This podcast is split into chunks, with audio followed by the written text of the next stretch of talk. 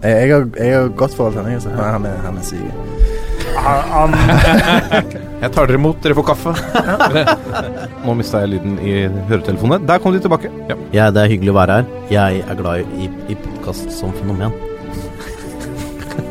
Jeg må ut. hjemme mot Lyngen Karnes gikk de på et litt leit 0-19-tap uh, her. Hvilken det- divisjon snakker vi? Er det tredje eller fjerde? Fjerde, fjerdedivisjon. Kjetil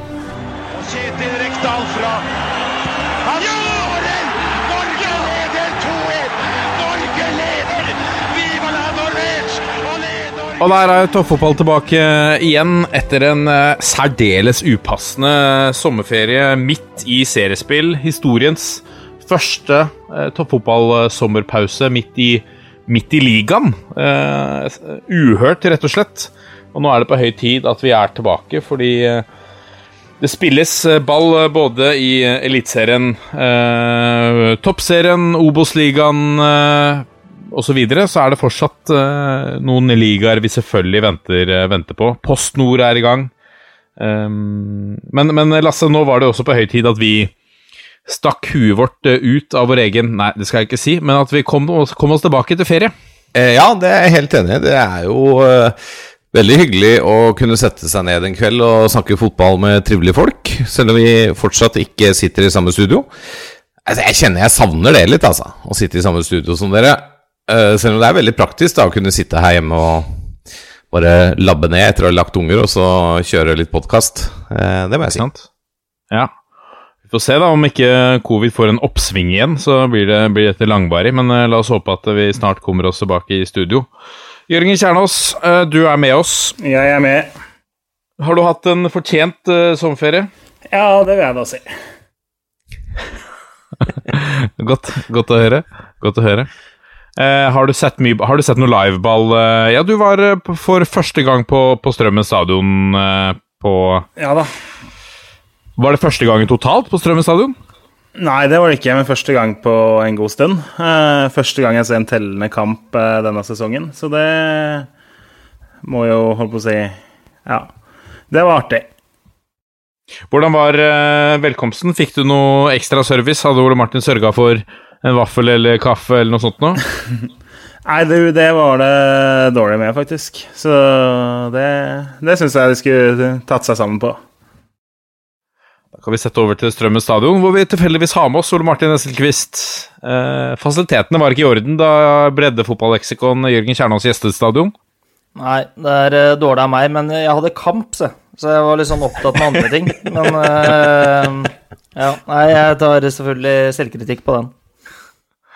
Ja, det skjønner jeg. Jeg regner med at du er uh, høyt oppe. Er du fortsatt høyt oppe etter, etter seieren, eller? Nei, det er jo eh, litt sånn typisk eh, fotball. Da. Det er ikke mer enn uh, ja, par uker siden, snaut det vel òg. Vi satt opp i Stjørdalsblink og lurte på om man skulle begynne med håndball eller et eller annet. Så det, det snur fort i fotball, da. Så uh, nå har vi hatt tre gode kamper, men det er ikke noe grunn til å ta av, nei. Men er det litt god Kjenner du at det er litt eh, At det er lettet litt på trykket i strømmen? Dere fikk jo en tøff start med poengtrekk og disse tinga her. Er det noe Merkes det på klubbhuset at uh, stemninga er litt lettere? Ja, så man, Spillergruppa vår er veldig flinke til å holde humøret oppe uansett, men man merker jo selvfølgelig eh, på alle rundt oss at eh, man er litt happy når man vinner kamper og presterer godt. Så, så stemninga blir jo naturlig nok litt lettere, det gjør den jo. Og så um, er det generelt sett god stemning her på Strømmen. Da. Vi er ganske heldige sånn sett. Men eh, litt ekstra god stemning gjør ikke noe. Det er jo første overtidsseieren under meg nå, mot Grorud. Så det tok jo bare halvannet år, så det var jo litt ekstra deilig å få den, da. Ja, for det, altså, overtidsseier, Ole Martin, de gjør litt ekstra godt. Ja, det er deilig, altså. Det, altså når du, og jo seinere på overtida, nå var vi vel fire på overtid Det er, eh, det er en helt uh, magisk følelse når du ser at den går i mål, og tar, en liten titt bort på linjemannen, og han ikke har løfta flagget. Uh, og med, med de situasjonene vi er vant til, så må jeg dobbeltsjekke med fjerdedommeren nå at ikke han har sett et eller annet. Men uh, når vi da skjønner at det er scoring, så er det en ganske stor glede da, ja. Hvordan er du på Altså, jeg har jo fortsatt ikke, takket være covid, sett noen kamper med deg live. Hvordan er du på, på benken? Er du en rolig og sindig mann, eller eh, er det mye armer og bein og Ståle Solbakken-tendenser? Uh, ja, Jørgen, uh, du som var der, la du merke til noe, eller? Nei, uh, jeg pleier jo primært sett da, å prøve å legge merke til det som skjer på banen, jeg, da. Men det, det var ikke Jeg har sett sintere trenere, såpass kan man vel si. Det var ikke noe, det var ikke noe utmerka man la merke til der fra motsatt side i akkurat den matchen. Jeg tenker det i utgangspunktet er ok. Så eh, jeg er vel eh, Skal jeg skal sammenligne meg med de andre i Obos-ligaen, kanskje litt over gjennomsnittet engasjert, men prøver å ikke la det være for mye heller. Vi har en fullstappa eh, sending. Vi skal gjøre opp en liten status i pulsen på hvordan det står til i Eliteserien Obos. Det er lenge siden vi har prata liga. Um, Det har kommet litt nyheter, eller rykter, knytta til eh, gjennomføringen av Norgesmesterskapet.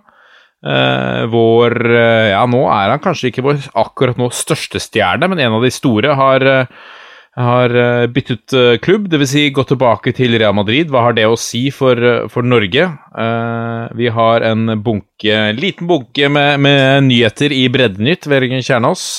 Og i spalten Nesselquist så har vi fått, eh, fått inn spørsmål fra spillergruppa hans, som jo har denne muligheten til å stille sjefen sin eh, til veggs anonymt.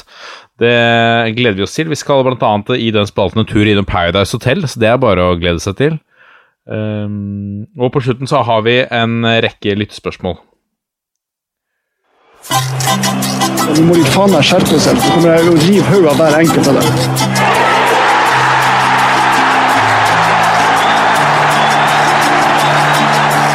Og da er det duket for ukens tulipan og kaktus ved spaltens president Lasse Markstein. Jo, takk for det.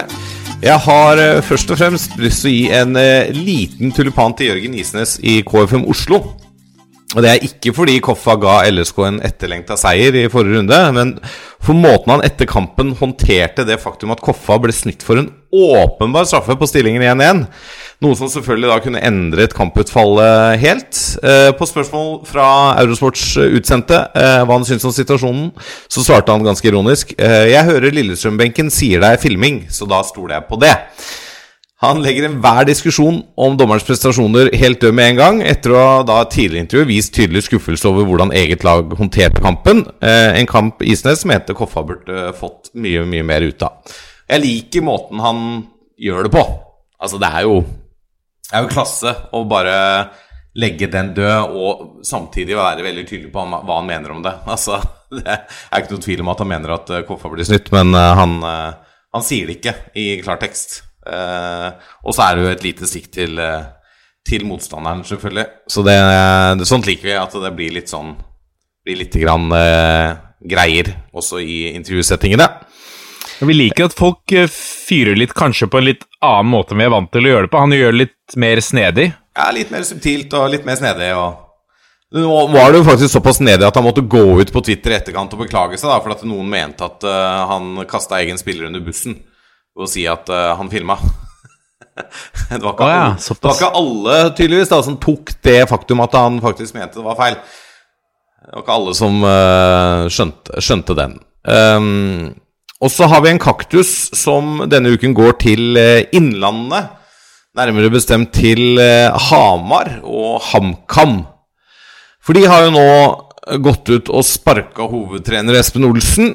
Eh, han skal fortsatt, fortsette i HamKam, da. Eh, nå skal rollen som sportssjef rendyrkes 100% Samtidig skal da assistenttrener Geir Frigård lede laget i, i mellomtiden mens de jakter ny hovedtrener. Eh, og i denne prosessen så presterer jo da HamKam å feilsitere egen assistenttrener, nå hovedtrener Frigård, i egen pressemelding. Frigård har da godkjent sitater, som da HamKam har gjort noen endringer på for å fremstå det som at Frigård ønsker hovedtrenerrollen, noe han er tydelig på at han ikke ønsker. Og Det er en røre og en suppe der oppe. Jeg tror man skal holde tunga ganske rett i munnen for å henge med rundt neste sving i, eh, i eh, det, spillet som er HamKam akkurat nå, for der er det, der er det spenstig.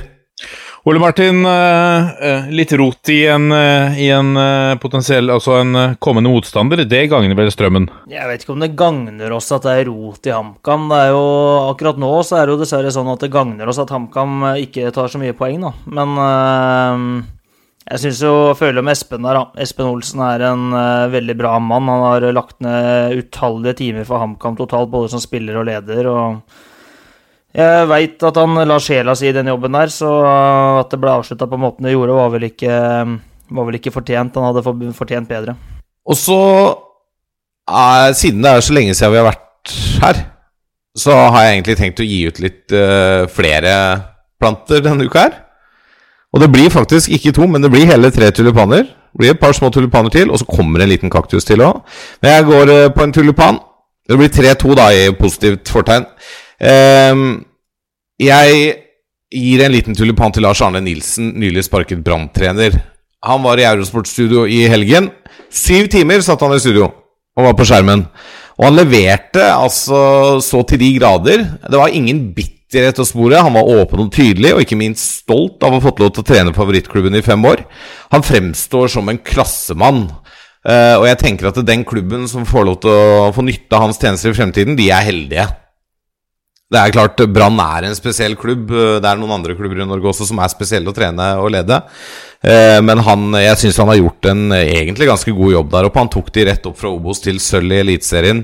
Har egentlig etablert Brann i toppen, og det er vel kanskje det som også er banen hans nå. At eh, siden de ikke er helt der oppe og nikker, så, så røyker han. Men eh, måten han fremstår på i etterkant eh, Det er sjelden man ser eh, trener-klubbbrudd som er såpass ryddige og, eh, og som har såpass lite bitre undertoner i etterkant. Da. Og det, det syns jeg fortjener tulipan til de involverte. Og da spesielt Lars Arne Nilsen, som tross alt er, er arbeidsledig.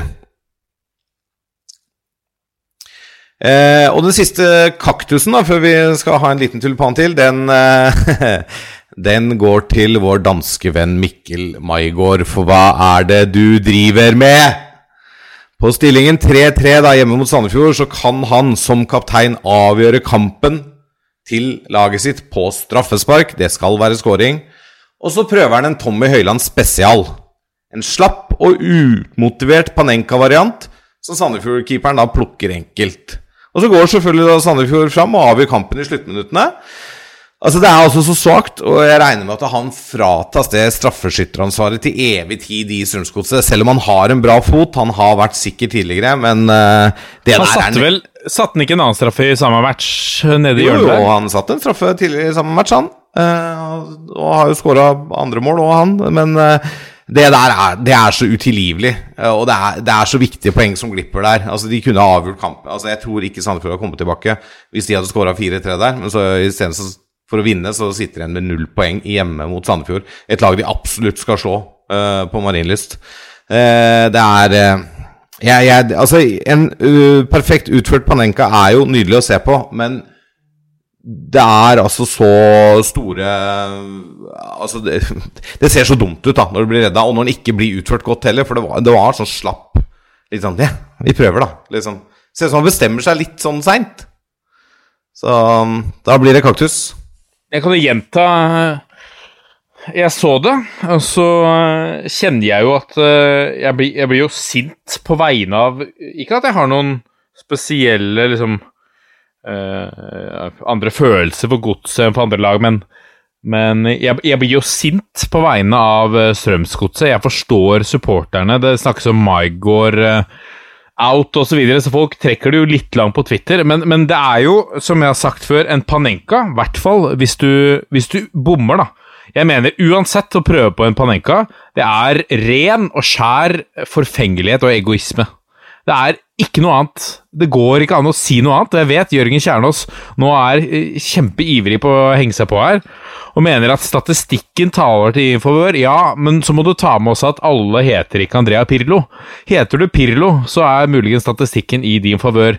En Panenka eh, utført av en norsk eliteseriespiller er forfengelighet og utelukkende egoistisk. Nei, Jeg vil hevde meg litt feiltolka der, ellers er jeg med et eller annet som jeg ikke helt husker jeg mitt ment. Men det, uh, mitt poeng med straffer som går midt i mål, er først og fremst at keepere står altfor sjelden uh, i midten. Uh, hvis du ser på hvor mange straffer som sies å havne relativt midt i mål så er det et ganske høyt prosentantall. Og så er, skjer det mer eller mindre aldri at en keeper blir stående. Keepere går alltid til høyre eller venstre i 95% av tilfellene. Så jeg vil helst holdt på å si, berømme godeste Storevik, jeg da, som faktisk ble stående. Eh, han har kanskje lest litt spillteori og litt eh, straffesparkstatistikk, for det han gjorde det som uh, ifølge statistikerne er det beste å gjøre for en keeper på et straffespark. Og så hender det jo ofte at statistikere ikke alltid tar hensyn til at det er levende mennesker og følelser involvert i bildet. og og så videre. Men uh, jeg liker nå en keeper som blir stående og redder en straffe. Ja, men han, han slang seg på den første, da. Jo men det, han visste det kom en til, så det var, det var mind games på høyt nivå. Ja. ja jeg, jo, jeg, støtter jo deg fullt ut uh, her, Martin. Og, men jeg er jo enig i at det er en knallhard straffe midt i mål. Altså Hvis du virkelig løper opp til den ballen og viser at du skal druse til, da er det veldig lett for en keeper å slenge seg. Uh, men det, det blir det Jeg føler da at det blir et litt annet tilløp når du skal prøve deg på en Panenka-variant. Litt sånn slappen, og da det, Du får ikke det samme trøkk i tilløpet, og da er det kanskje lettere for keeper å stå Hvis ikke da, som du sier, er Pirlo eller Sedan eller noe sånt. Ja, altså er det jo litt som supporter, du føler deg jo litt pissa på. Bare Ok, jeg ville tenkt at betyr det så lite for deg? Forstår du ikke hvor mye det betyr for meg at du setter en straffa? At du velger å prøve å forsøke å kippe inn en, en, en lefse av en ball? Prøve å gå viralt? Ja.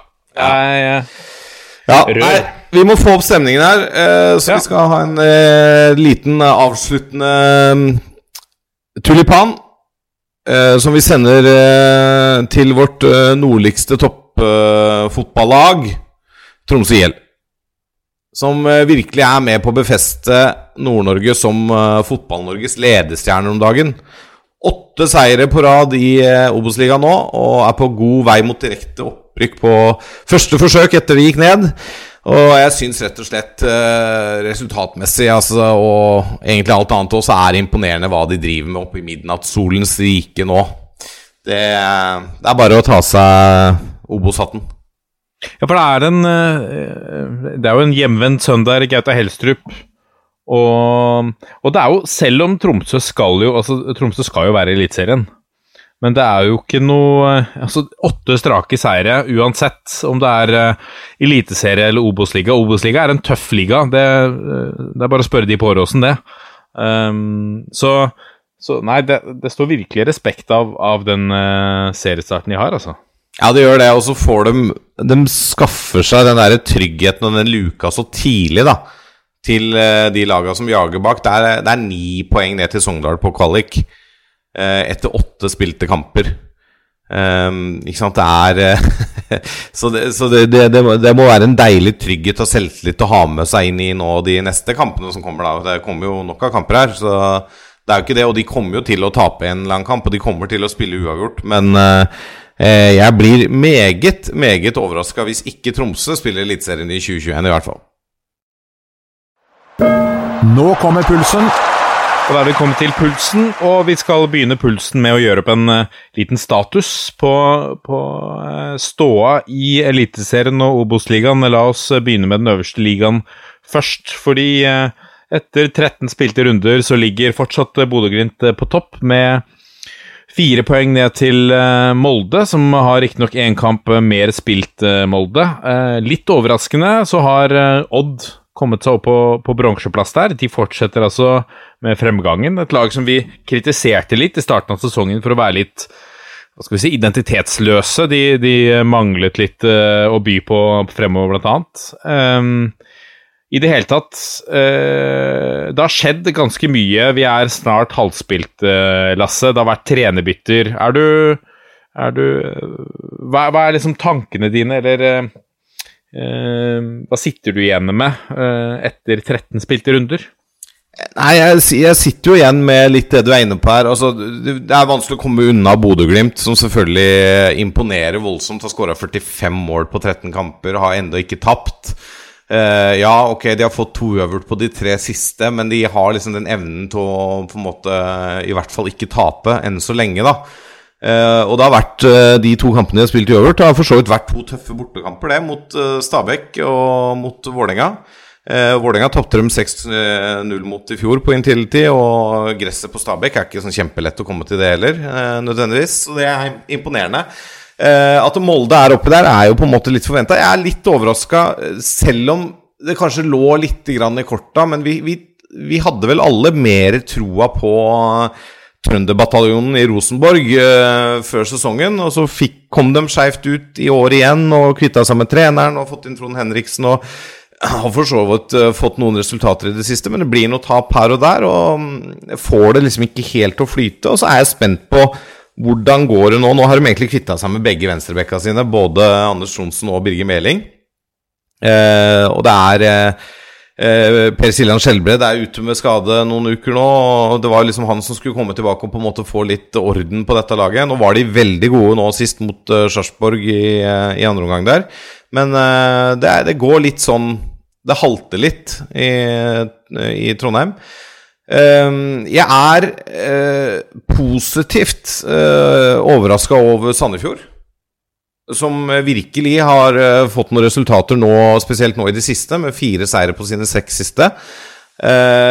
og jeg syns Sifuentes og gjengen har på en måte satt et grunnspill som um, gjør Sandefjord vanskelig å møte. Uh, han har kanskje ikke det beste spillematerialet i Eliteserien, men han har fått 16 poeng så langt. Og det er liksom Det er ni poeng ned til Ålesund der, og det er uh, syv poeng ned til start på den andre direkte nedrykksplassen. Um, det hadde jeg ikke trodd, altså, at de skulle stå med fem seire etter 13 kamper. Uh, så der må vi bare Det må jeg bare si at jeg er veldig, veldig imponert over. Eh, Odd, som du nevner, er jo også et lag som har overraska meg veldig positivt. De starta med to tap, og nå har de altså åtte seire, én uavgjort og fire tap. Og har vunnet sine fire siste og ligger da på tredjeplassen, to poeng foran Vålerenga. Eh, så det er også meget imponerende. De har mista Børven. Eh, erstatter Lauritzen, blir langtidsskadd. Ikke sant? Er, eh, Fredrik Sem Berge er fortsatt ute. Eh, men det har kommet folk inn, så det er bra. Det er mye bra. Jørgen, du har, eh, har jo snakka om Emil uh, Seid uh, i flere sesonger av uh, toppfotball. Begynner vi nå endelig å se hva som bor i den gutten, eller har han et ekstra gir inne? Nei, Han har jo vært veldig god hele denne sesongen, syns jeg. Han, det som jo har vært det åpenbare ankepunktet mot han, er jo at han har mangla sluttprodukt. Det blir mye nesten, det blir en dribling for mye, en touch for mye framfor å prøve et innlegg eller et skudd. Uh, det som gjør at han går fra å være veldig lovende til å være en spiller Rosenborg faktisk kan stole på at leverer, da. Og nå fikk han jo på en måte et lite sånn gjennombrudd der med to målgivende og strålende spill mot Sarpsborg uh, i annen gang sist. Så blir det jo veldig spennende å se. Nå er jo Pål André Helland eh, tilbake fra karantene. Samuel Adegwendro kan være klar for å spille litt. Jeg håper jo de fortsetter med Saeed og Holse på kantene, sånn som de spilte sist. Fordi nå møter de tross alt Ålesund hjemme. Det er jo en gyllen mulighet for de to unggutta til å fortsette etter en god prestasjon sist. Og så møter de et lag som uh, slipper til Gud og hvermann til en rekke store sjanser. Så det blir veldig spennende å se hva han får til i helgen, da, om han kan fortsette på den uh, bølgen. Og han er bare én av ganske mange unggutter som har uh, stått fram positivt denne sesongen her. Ja, det er jo veldig gledelig, som vi også snakket litt om før, uh, før sesongen startet, at vi, vi spådde litt i at dette kan jo faktisk også tale til talentutviklingens fordel, kanskje. Vi, vi, får jo litt stopp da, i de lavere ligaene hvor det spiller mange av våre kommende altså stortalenter, men de får også flere sjanser i Eliteserien. Ole Martin, Kåre Ingebrigtsen, ny trener i Brann. Hva tenker du om den matchen? Nei, det vil jo tida vise, da. Det er jo i hvert fall en, eh, en mann som har gjort tinga sine bra i Rosenborg. Og så har vel kanskje de to siste åra vist at ikke det er så enkelt å gjøre det bra med Rosenborg som det folk tror. Så at han besitter noe av kunnskap, er jo klart. Så er det jo eh, ja, 4-3-3-mann. Lars Arne også har spilt 4-3-3, men det er litt forskjellige måter å angripe på. Eller egentlig ganske forskjellige måter å angripe på. Um, så er det en mann som i hvert fall i Rosenborg-miljøet er kjent for å få tilbake humør og spilleglede i den gruppa. Det ble morsomt å spille fotball igjen, og det Eh, kan sikkert være bra inn i et brannlag som, eh, som har slitt litt, så det blir spennende å følge det. Det er jo en interessant situasjon også i, i Sandefjord, må vi ta med, hvor, hvor Hva skal vi si? Bugge Pettersen er litt sånn tvetydig i uttalelsene sine knytta til trenerjobben. Det er litt sånn uh, nyheter frem og tilbake. Hva, um, hva tenker vi om eh, den situasjonen, spesielt nå når, når du ser på tabellen og uh, og de ligger på niendeplass, vi har snakka om det. De har levert over evne. Det var er vel ingen av de som har tippa tabellen som har levnet i noen som helst sjanse i årets eliteserie. Uh, Jørgen, hva, hva, hva, tenker du om situasjonen i Sandefjord og Sifuentes? Uh, først og fremst så tenker jeg at det er veldig merkelig, uh, sett fra utsida. Fordi Sifuentes leverer resultater langt over det budsjett og spillerstall der skulle tilsi. Han har vist seg som en særdeles dyktig trener i løpet av sine to år i Norge. Han har, som trener så har han et potensial som er høyere enn det Sandefjord har som klubb i, for de neste årene. Så her er det litt sånn holdt på å si Den stygge i forholdet vraker den fine i forholdet, hvis det går an å si det sånn. Hvis dette blir en slutt. Eh, det, det, virker jo litt sånn som at uh, han er sannsynligvis krevende. Eh, en fotballtrener skal på en måte ikke være helt enkel, fordi hans, hans oppgave er jo å få suksess med A-laget. Det er det Sifuente sin jobb eh, går ut på. Espen Bugge Pettersen og styreledere og markedsavdelinger sånn skal tenke på klubb og skal tenke lenger fram i tid og sitter på pengesekken, kan ikke bruke penger de ikke har. Eh, det virker jo som det har blitt en krasj der. Eh, at Sifuentes og spesielt Bugge Pettersen ikke har noe mer enn De kaller det jo et profesjonelt forhold. Det virker jo ikke som at de har noe kjærleik for hverandre, på en måte utover det. Eh, minner veldig litt om hvordan Kongsvinger og eh, Pimenta ble avslutta. Kjemperesultater, men en trener som sannsynligvis føltes krevende å jobbe med. Og, men som ja, fikk resultater, og så likevel ikke ble værende i klubben. Og det Jeg tror Sandefjord gjør en stor tabbe hvis de eh, velger å ikke forlenge. Og I tillegg så sitter det altså, Hadde han hatt lengre kontrakt, så hadde jo mulighet til å få litt uh, kompensasjon for han, for han er interessant for mange klubber uh, relativt snart, hvis uh, han fortsetter å produsere i Sandefjord. Ole Martin, er, er, det ikke plass til trenere som er krevende og litt annerledes i Norge? Jo, det er det, men det er nok ikke plass så veldig lenge til de om gangen, samme sted. Uh, jeg tror Jørgen er inne på det, at eh, jobben til oss fotballtrenere er å få A-laget til å lykkes på kort og lang sikt, og det er en krevende jobb. Og um, de aller fleste av oss stiller ganske høy krav til seg sjøl, og da blir det til at du også gjør det til omgivelsene. og det det pleier ofte å være sånn at gode resultater gjør at det fungerer enda lenger. Og så er det en eller annen grunn til at ikke det er sånn i Sandefjord. Hva den grunnen er, det vet ikke jeg. Men de krevende trenere holder jo lenger når resultatene er gode. Når resultatene er dårlige, så er det jo som regel ferdig etter uh, maks et år. Men jeg tror jo det definitivt er plass for krevende trenere. Sånn jeg kjenner meg sjøl og oss, så er jo egentlig alle sammen det. Så er det jo spørsmålet om det blir to, tre eller fire år. Da. Litt avhengig av resultater og, og også en menneskelig kjemi. Det er lettere å jobbe sammen med krevende folk hvis den menneskelige kjemien ellers er der. Ja, fordi Ta en klubb som, som Strømmen, da, for eksempel, hvor det er en, en, en, eh, en, viss andel av dugnadskraft. At du er avhengig av at uh, folk som, som, er underbetalt i, i, klubben, kommer på jobb og er motivert for å gjøre en jobb. Jeg antar at det er tilfellet for en del roller i uh, ulike klubber. Uh, da er man kanskje avhengig av at, at hovedtreneren er hyggelig med de som er, er til stede. Skulle ønske jeg kunne si ubetinga ja på det, men jeg er jo ikke alltid det sjøl, da.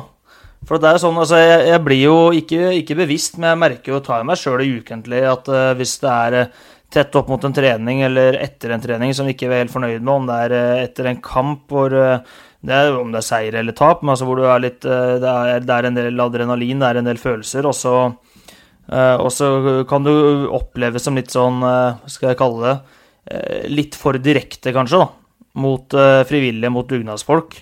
Eh, Og det er ikke alltid det blir tatt imot på en god måte. Så er det sånn at de fleste kan jo løse det i, etterkant ved å prate sammen på nytt, men eh, men eh, det er jo også i en klubb som Strømmen, så er det jo daglige diskusjoner som kan oppleves som krevende hvis man ikke har en god dialog på det. Så jeg bruker eksempel fra i dag. Daglig leder og jeg i dag brukte første tre kvarter av arbeidsdagen på å diskutere om vi skal reise med 19 eller 20 mann for å møte Ranheim og skulle bestille flybilletter. Og det er en diskusjon på én person som tar 45 minutter.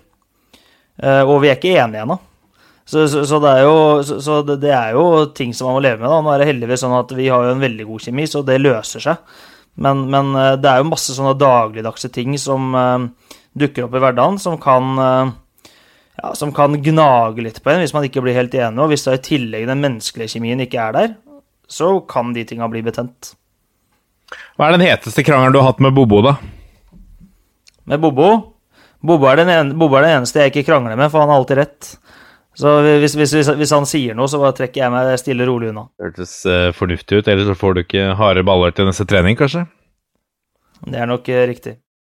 Jeg tror eh, Ole Martin er inne på noe her, at, og det er litt viktig tror jeg også i en fotballklubb å tenke på hvis du velger å gå inn i en rolle, enten som frivillig eller som deltidsansatt eller et eller annet, er at det, det er et resultatpress på en trener- og spillergruppe.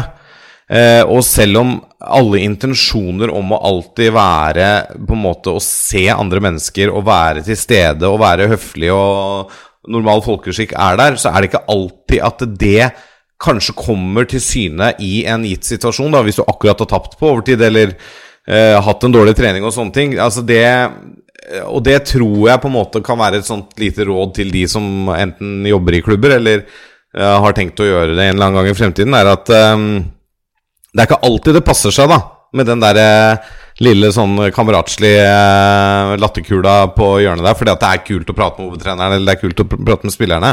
For det er, det er helt åpenbart at noen som jobber i fotballklubber, og som er frivillige fotballklubber, gjør også det for å komme tett på laget uh, i enkelte klubber. Sånn er det bare, og det er helt greit, men de legger allikevel ned en enorm innsats og er helt uvurderlige. Men det er liksom en tid og sted for alt. øh, og hvis det på en måte skal ødelegge For man, man hører jo det om trenere, at de er krevende, og de, de suger energi ut av miljøet og, og liksom sånne ting. Ja, ok, greit, men det er faktisk jobben deres òg, da. Å være krevende. Fordi at eh, de skal ha resultater med de eh, på en måte forutsetningene som er lagt der. Og i Sandefjord-tilfellet, da jeg også stusser veldig på den saken her, og på måten Bugge Pettersen fremstår på. Han sier jo ingenting, men du leser veldig mye mellom linjene hvordan dette er. Og da tenker jeg at eh, hva er liksom viktigst her, på en måte? Er det å finne en eh, kompis som skal trene dette laget, som på en måte ikke utfordrer deg og de rundt deg, eller er det viktigste på en måte at det faktisk Sandefjord gjør det bra og etablerer seg i Eliteserien, da? For jeg er usikker på hvilke andre trenere med det spillematerialet Sifuentes har, og med de spillerne han har kvitta seg med etter de var et Obos-ligalag, uten å egentlig erstatte de, hvem andre trenere hadde klart å få det ut av den spillertroppen her? Det er jeg, jeg tror ikke det er så veldig mange, altså på, som, bortsett fra han uh, med rød, rød T-skjorte her. Vi må holde oss på, på trenersida, Jørgen. Uh, Åge Hareide har sagt at uh, det er kun praktikaliteter som gjenstår uh, før han uh, reiser opp til Rosenborg og Lerkendal og signerer avtalen, og at han, uh, han selv har snakket om slutten av august. I september så åpner det et overgangsvindu. hva skjer hvis Åge Hareide og Rosenborg blir en match igjen? Hva skjer? Rosenborg får uh, den treneren de, Den eneste treneren som er på lista deres, virker det som. Det har jo ikke akkurat framstått som det er noe plan B. Eller plan B er jo at Trond Henriksen skal fortsette på ubestemt tid til Åge Hareide har sagt ja eller nei.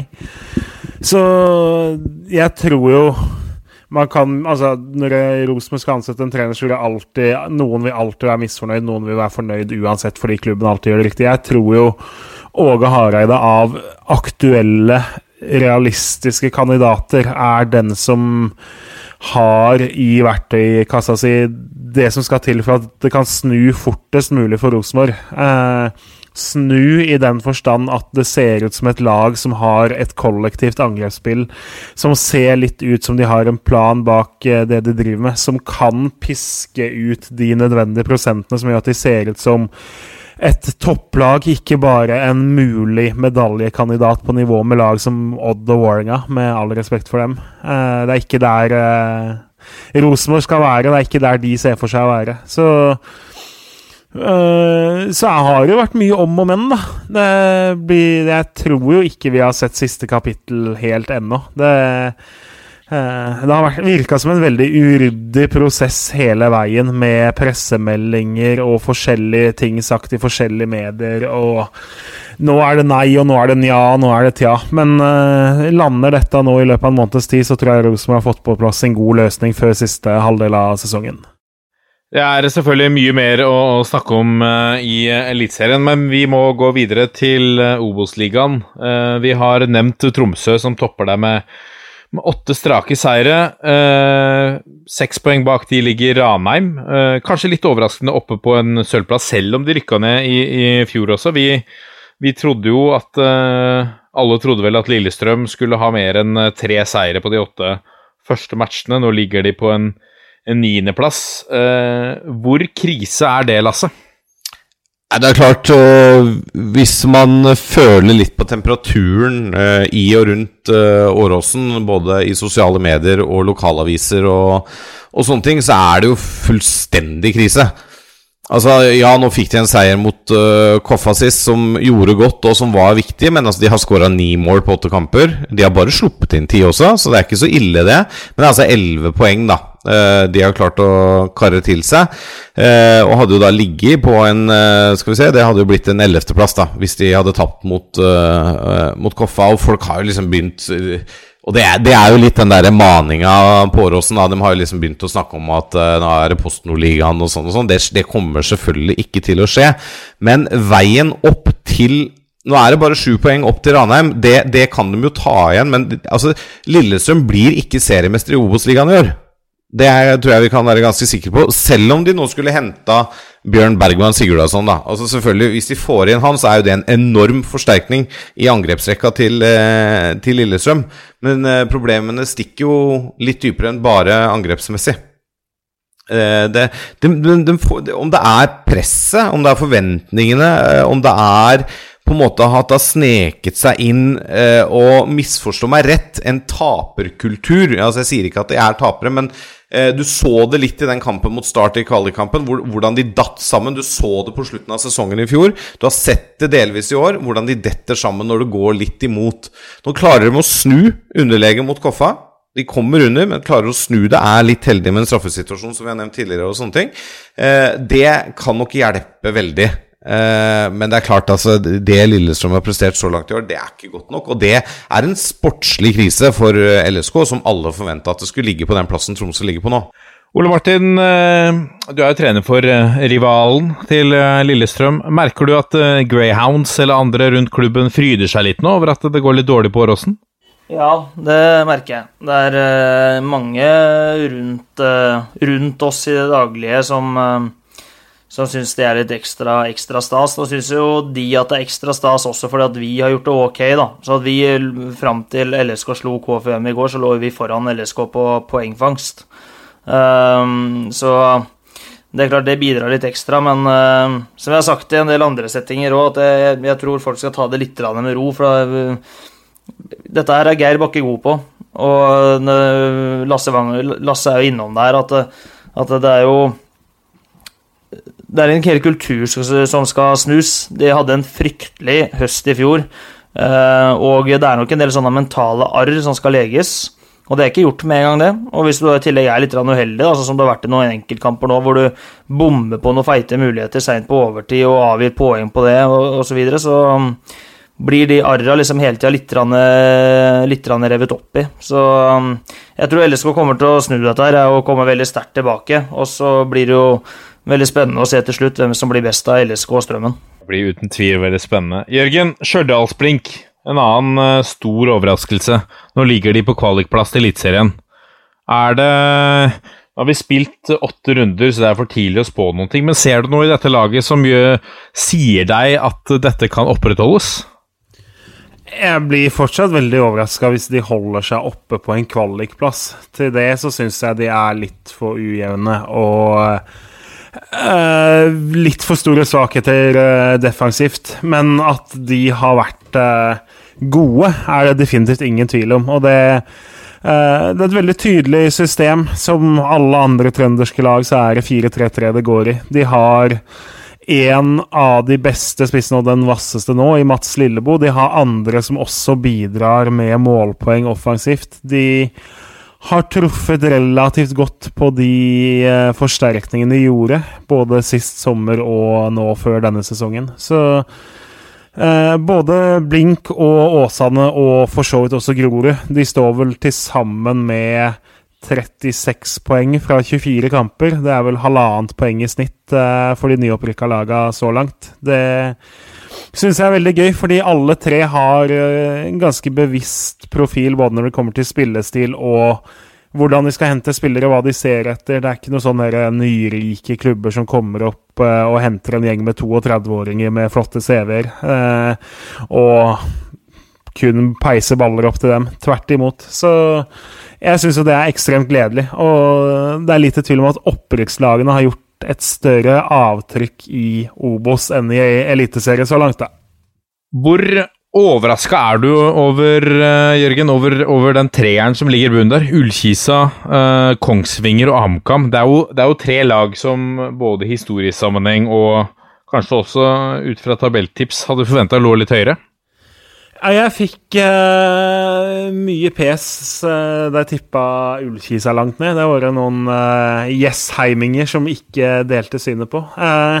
De har sett veldig skrøpelige ut så langt, syns jeg, med unntak av seriestarten, som noen her kanskje ikke vil snakke for mye om. Uh, så har de sett særdeles rufsete ut offensivt. De har ikke funnet noen spillere som uh, skal levere stabilt offensivt. Uh, jeg tror det er litt dårlig stemning der. Trond Fredriksen har fått to kamper på seg nå før noe kanskje må skje. Og den første av de er jo da på Åråsen fredag kveld. Så det, det, kan fort skje ting på Jessheim. Eh, Kongsvinger og HamKam er enda De er jeg overraska over. Kongsvinger så ganske solide ut før seriestart, har en bred stall.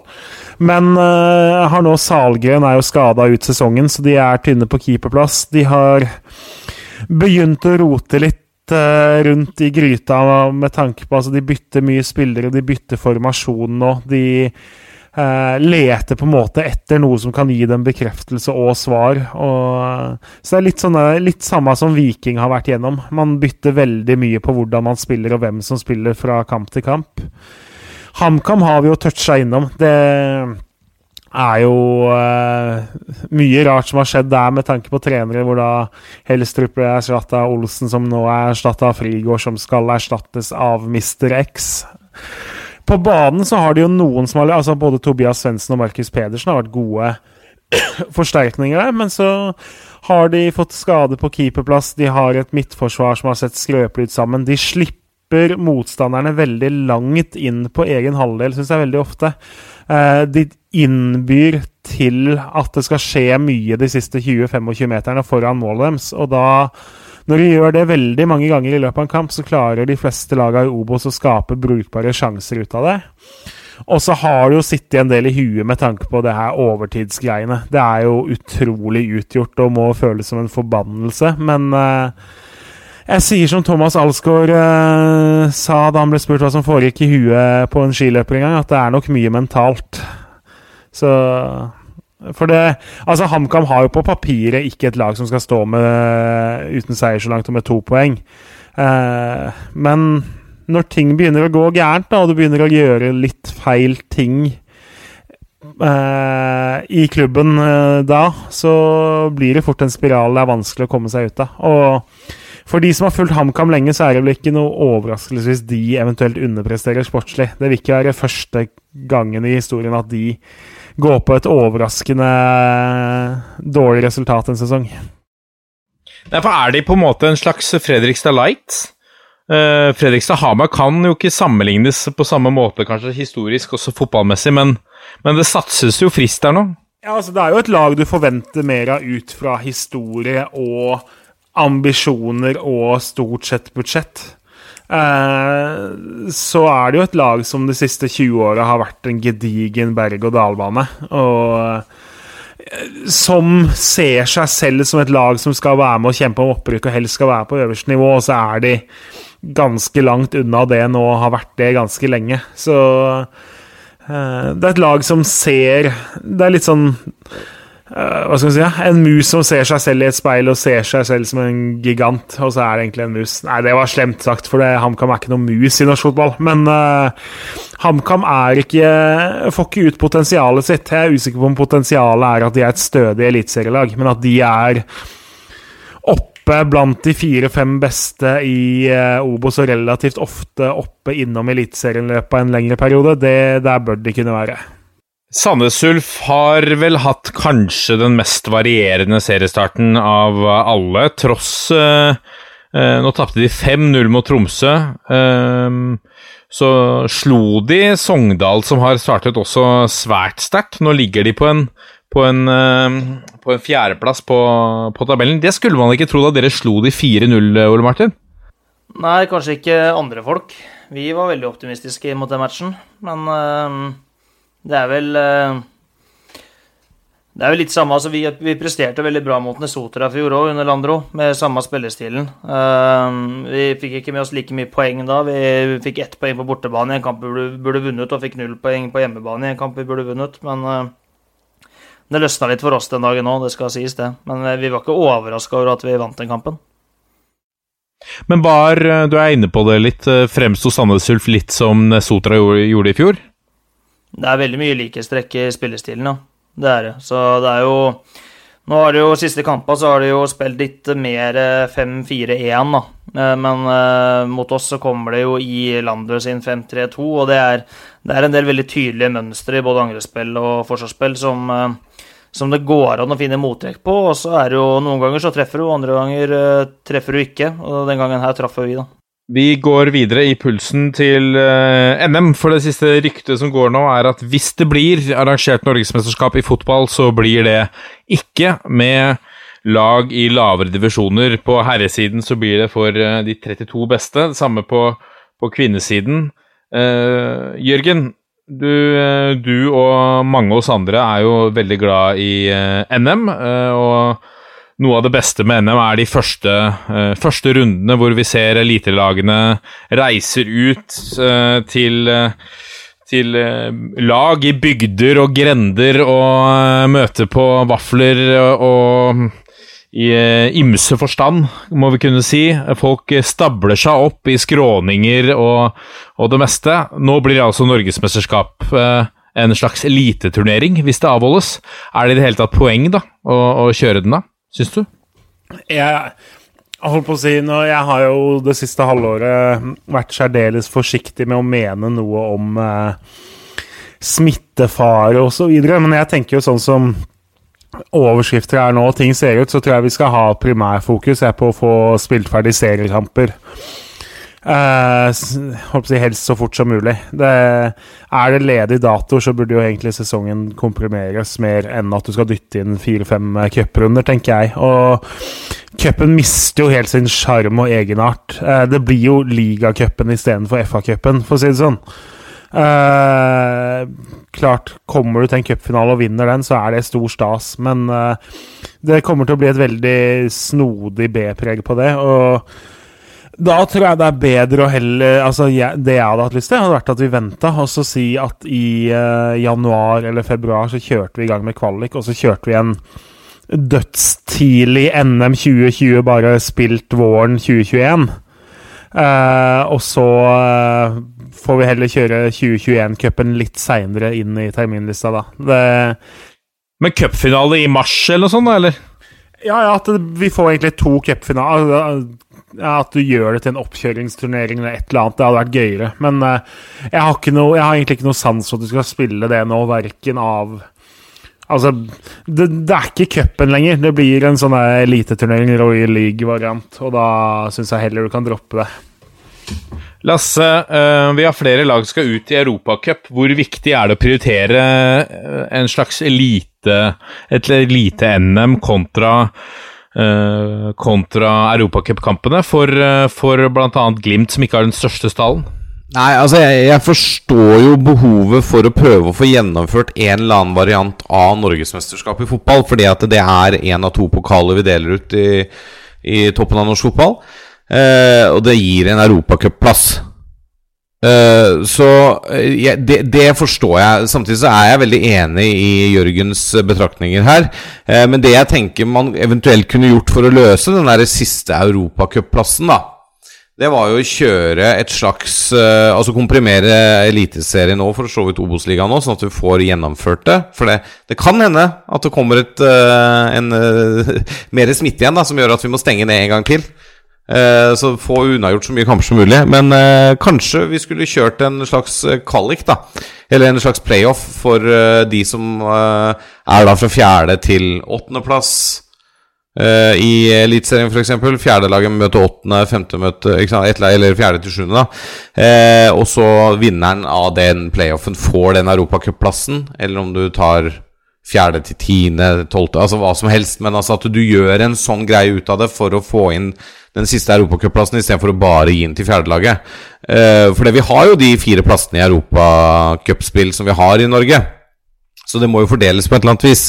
Så jeg ser jo behovet, uh, men jeg vet ikke om det er riktig å kjøre en sånn derre kun eliteserie Obos cup-variant.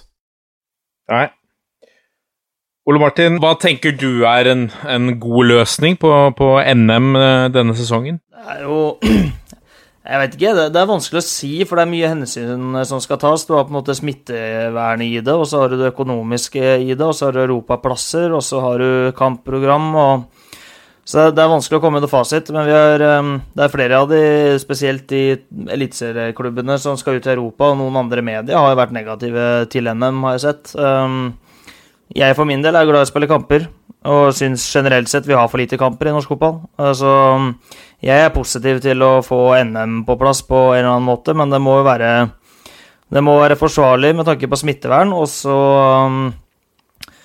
og så bør det ikke gå på bekostning av de lagene som skal ut i Europa nå. De må få lov til å prestere, for det er uh, viktigere for norsk fotball i hodet mitt enn uh, den, uh, den cupen. Vi går videre til en av våre aller største og viktigste stjerner. Martin Ødegaard er hentet tilbake til Rea Madrid. Altså, vi skal ikke snakke om La Liga, men hva betyr dette for Norge? Nei, er, eh, altså Først og fremst er det jo stort for den lille fotballnasjonen Norge oppe på fjellet her eh, at vi har en eh, A-lagsspiller i Real Madrid som er en ledestjerne innen europeisk fotball, både i, i europeisk fotballsammenheng og ikke minst i Spania. Altså Det er jo en av de største klubbene der ute på verdensbasis. Det er jo helt enormt. Det må vi bare ta med oss og, og nyte og hylle.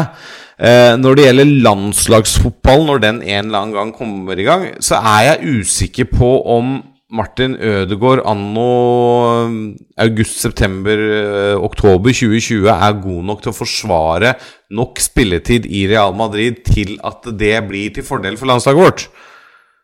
Uh, den er jeg litt spent på. Men det er klart hvis sesongen blir komprimert der òg, og de har spillere som nærmer seg litt slutten av karrieren i Modric og sånn, som kanskje trenger litt mer hvile, så vil han jo få sjansen. Han vil jo få spilletid.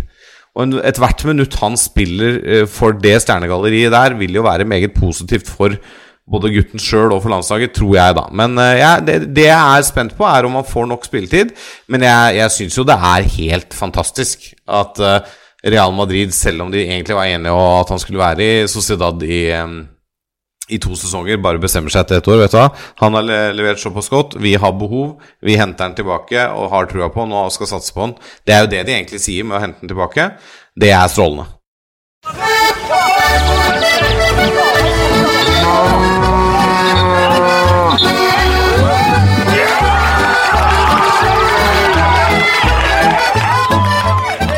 Da er det klart for Breddenytt ved spaltens president Jørgen Kjernås. Yes. Jeg har én sak. Eh, Det handler jo om nye tredjedivisjon. Som vi jo må snakke litt om. For det Nå begynner jo tida å renne veldig ut for eh, fotballen under annendivisjon. Som et siste håp, et siste forslag, så har NFF kommet opp med at de skal dele sjettedivisjon i Nei, sjettedivisjon, eller tredjedivisjon fra seks til tolv avdelinger. Som da betyr at man går gjennom sesongen mot uh, seks andre lag, spiller enkeltkamp mot dem. Uh, vinnerlagene i hver av de tolv avdelingene møtes da til playoff om de seks opprykksplassene. Uh, håpet da er jo at man får treningsstart 1.9. og kan begynne å spille kamper under tre uker seinere. Eh, det gjør jo også at annendivisjon da får inn uh, nedrykk, som jo er en ganske sentral del av eh, fotballen. Og eh, bidrar til at det ikke blir en rekke kamper med liten betydning utover høsten i den serien også. Så det blir veldig spennende å se hva lagene nå sier. De har frist til klokka 18.00 fredag kveld med å ha sagt sin mening til NFF om forslaget. Så er det jo alltid sånn noen er misfornøyd med avdelinga de har havna i fordi de ser at noen andre har fått lettere avdelinger og sånn. Noen er jo misfornøyd med andre lagene fordi andre lagene består av eh, unge gutter og proffspillere som har kunnet trene nå i eh, mange måneder, og som da sånn sett vil være forberedt til serien på en helt annen måte.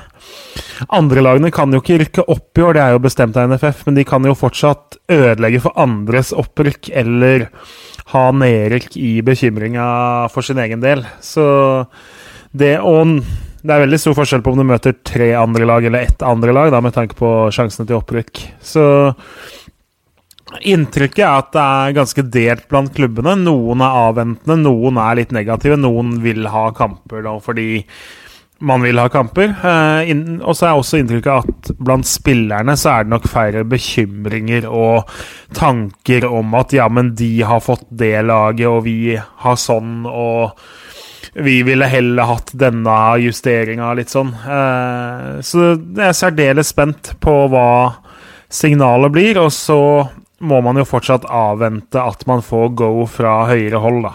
Kjære Ørn Horten også, skal de Altså, det er en, det er jo en rekke lag her som kan ende opp med Men, men uh, er det ett lag da som rykker ned fra hver av disse avdelingene på seks lag? Eh, Det er jo særdeles lite sannsynlig at det blir noe nedrykk, da, fordi fjerdedivisjon kommer jo ikke i gang. Det, og nedover. Det kan vi egentlig bare avskrive, holdt på å si. Så, for det har jo havna i neste fase nå. Eh, jeg skrev jo litt om dette i en blogg nå, og da jeg må jo si jeg reagerer jo på at det er foreslått at det som skal åpnes først nå av fotball, det er fjerdedivisjon Nei, tredjedivisjon for menn. Det er forståelig. Eh, alt av liksom eh, gatelag og sånne ting, også forståelig.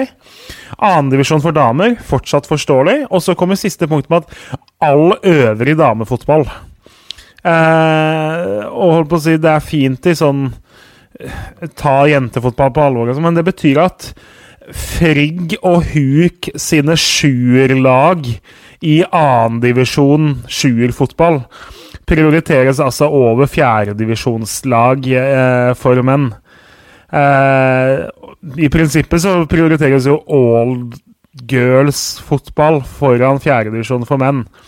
Eh, jeg sliter særdeles mye med den, da, så det må jeg si. Eh, jeg kjenner jo at eh, hadde jeg vært fjerdedivisjonsspiller, så hadde jeg vært ganske bitter hvis hun nabodama på 43 fikk spille all girls fotball, mens du som fjerdedivisjonsspiller med ambisjoner om å klatre oppover i divisjonen ikke får lov til å spille. Så nei, jeg, jeg stusser litt på den, altså. Dette er toppfotball. Og da skal vi snart ha spalten hvis eh, navn eh, prydes av eh, hovedpersonen i spalten, altså Nestelquist.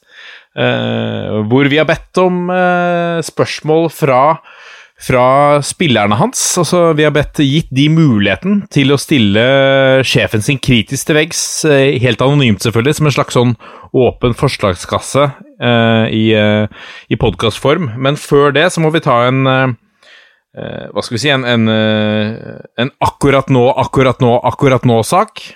Lasse Wangstein? Ja, vi går Dagbladet Næringa, hører jeg. Eh, nei, for en eh, liten time siden eh, her vi sitter og spiller inn, så la Adama Diomande ut en Twitter-melding hvor han rett og slett sier at med de mange familieprioriteringene i livet hans, så har han bestemt seg for, å terminere kontrakten med Los Angeles Football Club med umiddelbar effekt. For å best mulig ta vare på de han har nærest. Eh, dette blir jo selvfølgelig ville spekulasjoner, men uh, hvis han føler han ikke kan ta vare på de uh, nære i Los Angeles, så ser jeg jo for meg at det kanskje gutten, mannen, er på vei tilbake til norsk jord. Og da blir det jo spennende å se om en eller annen klubb av de øverste 32 i Norge trenger en ny spiss, da. En ny målskårer, og at han blir å se i Eliteserien eller Obos-ligaen. Jeg vil vel tro han er mest aktuell for en- et eliteserielag, men eh, det blir spennende å se om noen plukker opp han i overgangsvinduet i september, i hvert fall. For det er jo klart eh, det er, jo en, det er jo en nyhet i seg selv, det, med en såpass eh, profilert spiller som eh, gir seg i en eh, såpass profilert klubb. Absolutt. Eh, blant de med ressurser, ja. Kjernås? Ja, nei, altså Han er jo god nok til å være aktuell for alle lag. Og så klart, når du flytter hjem av liksom personlige og familiemessige årsaker, og sånn, så er det jo lett å tenke seg at han søker seg til Østlandet, da. Og da er det jo tross alt veldig eh, få klubber igjen. Eller det er ikke få klubber, men det tetter jo veldig igjen hvis han skal til Oslo. Så har du en tre, fire, fem klubber han kan være aktuell for. Eh, og klart, noen av altså Vålerenga sitter jo med mange spisser. Sarpsborg sitter med mange spisser. Godset har Det er ikke der det skorter hos Godset, og de har en bekymra økonomi. Sandefjord har lite penger. Odd blir kanskje litt langt, så da, da blir det vel strømmen uh, på Diamande, regner jeg med. Ja, ellers så satt jeg og tenkte at uh, Lene Olsen, Bjørn Bergman og Diomande er en ganske giftig trio der framme i Obos-ligaen, det òg. Så um, det, ja, det blir, blir eh, spennende å se, men eh, hvis eh, Diomande skulle være en fast lytter av toppfotball, så um, fins nummeret mitt på hjemmesida til Strømmen. Det er småfrekt å, å mønstre en, en niendeplass i Obos-ligaen med den angrepsrekka der, i hvert fall. Det må vi kunne, det må vi kunne si. Nei, det blir jo veldig spennende. Se hvor de jo eh, lander. Det ryktes jo på på Intility ryktes det vel at de har Seknini Seknini er vel på treningsrommet der allerede, klar til å steppe inn hvis Aron Dønum blir solgt, eller noe sånt. Ja, han har vel vært på besøk hos nettopp Aron Dønnum. Da han og Dønnum og Seknini er jo gode kompiser eh, og fått lov å trene litt med Vålerenga. Men det er vel ikke usannsynlig, nei, at uh, Vålerenga prøver seg på han hvis uh, uh, Hvis Dønnum blir solgt. Uansett, vi eh, går i gang da med, med spalten uh, eh, hvor vi har fått litt spørsmål, Ole Martin, fra spillerne dine. Ehm, eh, det første spørsmålet er lyder som følger. Ole Martin har reist mye rundt og besøkt trenere og snakket med de. Hvem mener han er den sterkest fotballfaglige treneren i Norge, fra Norge, og hvorfor? Nei, jeg er jo ikke Jeg er ikke noe glad i å rangere de andre trenerne, da. Kanskje det er derfor du har fått det? Uh, ja, kanskje. Det som er dumt nå, er at det første jeg tenker på, er ikke svaret på spørsmålet. Det første jeg tenker på, er hvem er det som har stilt spørsmålet. Men uh, Nei eh, Det var ganske nylig, da. Jeg var uh, Kjørte til Molde her når jeg var permittert, og besøkte Åge Hareide og fikk en god dag med han. Det var veldig interessant. Så um, det er veldig mye flinke folk, men i og med at den er ferskest, da For det var også etter at jeg var og besøkte Hornland i Rosenborg, eh, så eh, får jeg si eh, Åge, da. Men hva, når, når du, du har jo vært rundt og, og henta inspirasjon fra litt ulike. F.eks. hvordan forløp en dag seg sammen med Åge Hareide? Det forløp seg ganske rolig. Det var uh, treffes rundt lunsjtider og sette seg med en uh, kopp eh, svart kaffe på Egon i Storgata i Molde. Og så blei vi sittende der. Da hadde jeg med meg notatblokka mi hvor det også er noe Det er mulig å tegne baner på den, så det, vi hadde det vi trengte. Nydelig. Det hørtes, eh, det hørtes ut som noe som egentlig burde sendes på en podkast. Det går jo an å øh, Nå har jo han og sønnen hans kommet med podkast. Den øh, kan jo anbefales fra et trenerperspektiv. Det er mye, mye gode saker derfra. Men øh, hvis du hører på alle de episodene som har kommet ut derfra, så er det egentlig det samtalen jeg hadde med nå. Så da øh, kan man egentlig få det samme der. Teknisk sone heter vel den med, med, med Åge Hareide, blant annet. Uh, vi eh, tar neste spørsmål. Hvordan gikk eh, debuten i Bonobridge? Er det noen som lurer på? Nei, debuten øh, gikk som forventa. Det blei øh, trafikklys, kaller de det. Jeg vet ikke om det er noe alle kaller det i Bonnebridge. Men øh, jeg strøk øh, seks ganger på rad på de seks første henda.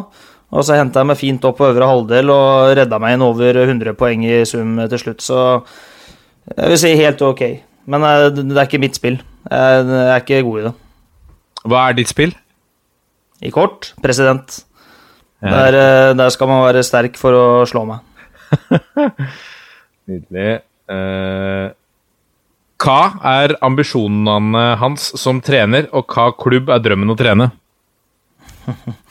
Ja, det er jo begrenser seg på hvem som kan ha stilt det spørsmålet uh, Kjør. Hvem? nei, det må, høres ut som uh, Naustdal eller eh, Lillevik, Vestlandet. Ehm, ja, eller daglig leder, da, også Vestlandet. Nei, uh, jeg svarer like kjedelig som jeg alltid har gjort. Jeg er veldig opptatt av å slå Kongsvinger i morgen med strømmen, og så er jeg opptatt av å få en god økt på lørdagen, og så får vi se hvor god jeg kan bli. Drømmen er strømmen, altså. Strømmen er drømmen. Hva syns han er den for største forskjellen på strømmen i fjor mot strømmen i år? Treningskulturen. Yngre gutter som eh, vil mer, som har større ambisjoner både på vegne av seg selv og på klubben. Eh, Ikke noe vondt om de som var der i fjor, det var en helt fantastisk gjeng. Men det var en litt eldre gruppe. ehm, Og en yngre gruppe har gjort at eh, det er en litt annen inngang til treninger, i form av at det er rett og slett litt mer naivitet. Er flere som fortsatt har håp og drømmer om å spille på store internasjonale arenaer, og det er utelukkende positivt, for det er mulig for veldig mange av de gutta vi har. Eh, I fjor så hadde vi ikke så mange av de, så det er den største forskjellen. Um, all spøk til side, tror du dine taktiske ferdigheter ville tatt deg langt i Paradise Hotel? All spøk til side, altså. Ja, det tror jeg. Som, eh, som, som menneskekjenner eh, og, og strateg med varierende suksess, så vil jeg si at eh, det, det kunne gått bra. Er dette noe du har eh, påberopt deg også i garderoben, eller? Nei, veldig rart, for jeg har, jeg har vel sett én episode tror jeg, Paradise Hotel i mitt liv, og det var en episode hvor en jeg vokste opp sammen med, var med. Det gikk jo for ti år siden, eh, i hvert fall.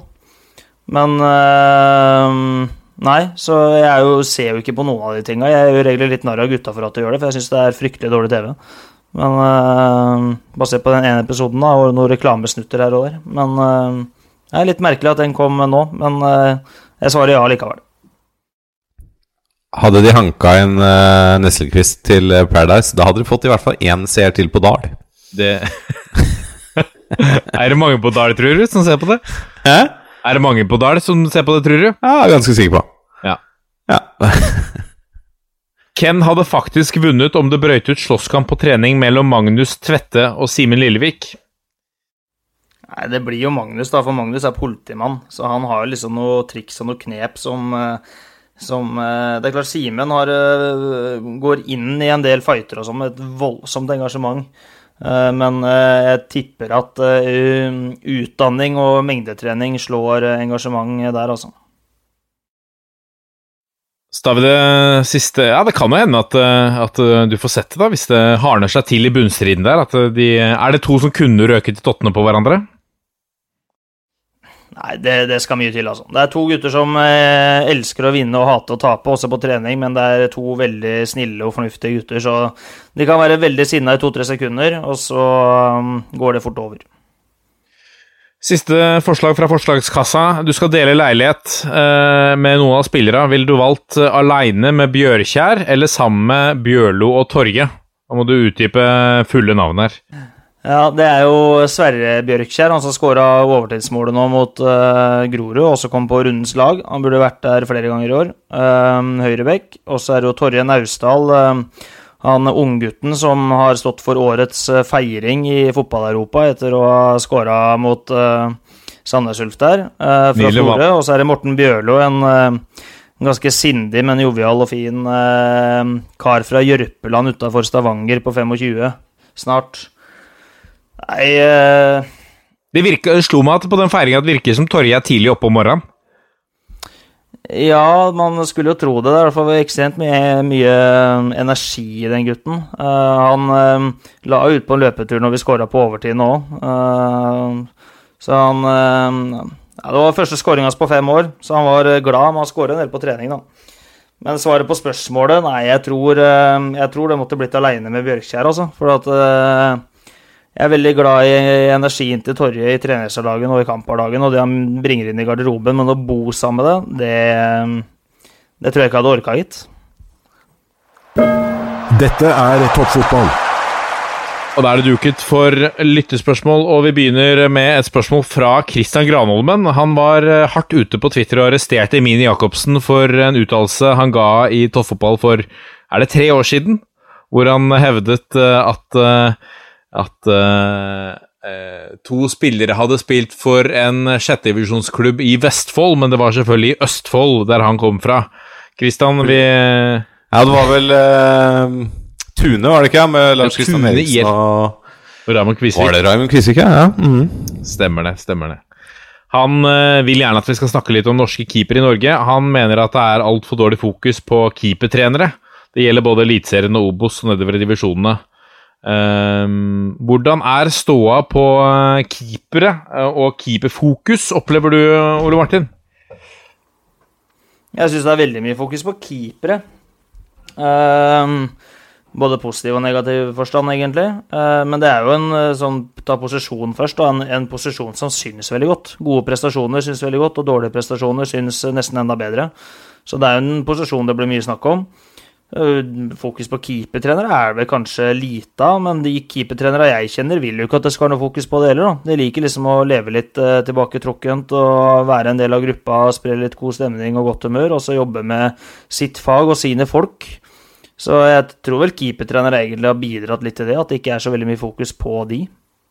Ja, for når, når jeg hører det spørsmålet, så tenker jeg Mener han fokus, altså mediefokus, eller mener han at uh, det er klubber som nedprioriterer keeper og keepertrenere, for det tror jeg ikke det er. Altså, de fleste klubbene i toppen av norsk fotball har vel egen keepertrener, og er vel bra med fokus på keeperne. Altså, I hvert fall sånn som jeg kjenner fotballen, så um, er jo sjelden noen som trener så intenst i løpet av en uke som akkurat keeperne.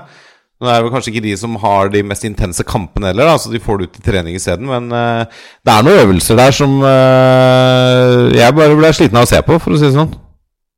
Ja. Ja, alle, alle toppklubbene prioriterer keepertrener, Det kan jeg si helt sikkert. Så det er ja. um, Keepere får god oppfølging overalt. Det, det gjør de, altså. Noe annet virker dumdristig. Uh, Lasse Årstrand skriver Se på Stjørdalsblink som rykket opp fra PostNord, og LSK som rykket ned fra Eliteserien.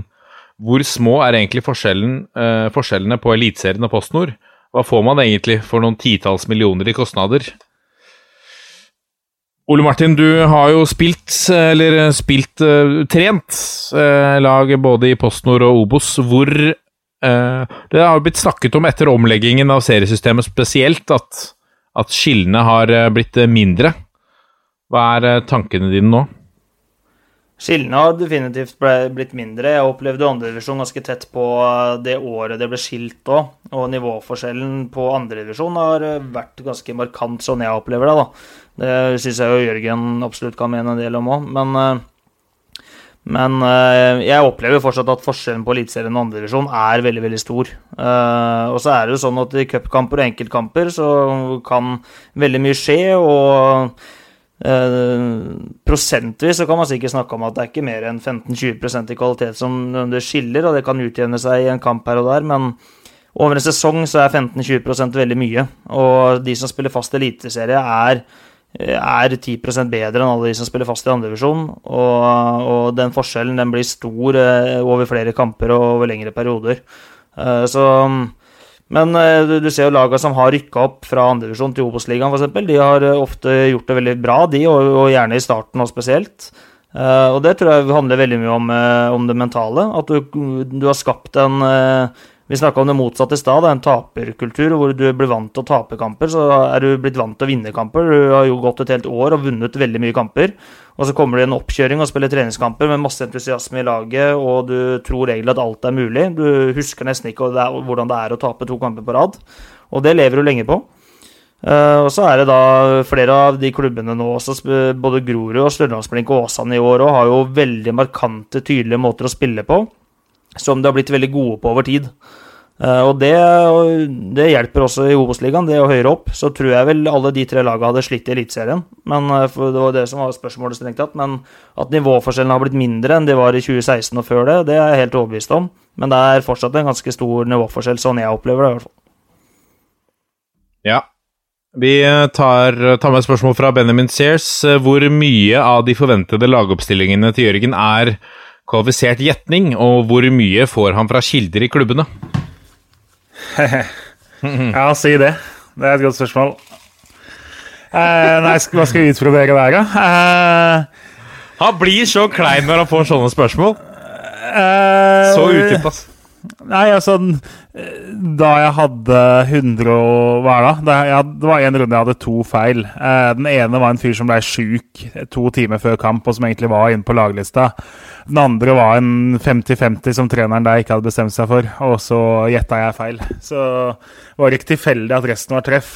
Men uh, det som jo er utfordringa med sånne ting, er jo Altså For det første så la Jeg hadde egentlig ikke noe plan om å dele. Jeg har jo det er jo til egen bruk, egentlig, men så har jo Jonas i Eurosport holdt på med dette en stund. Og selv om han har mange kilder, og sånn, så har han jo bomma en del òg. Og så har jeg sittet og visst det når han har bomma, da, på en måte. Jeg har sittet og sett at han har tippa, og så har jeg den nøyaktige elveren for hånd. Så var liksom litt sånn en runde hvor han hadde en del villspor, og så starta det med at jeg da la ut fasit på de fire-fem laga han var veldig ute å kjøre på, og så fortsatte det. Og så syns jo folk som spiller fantasy, stort sett da, at dette er jo ekstremt interessant å få.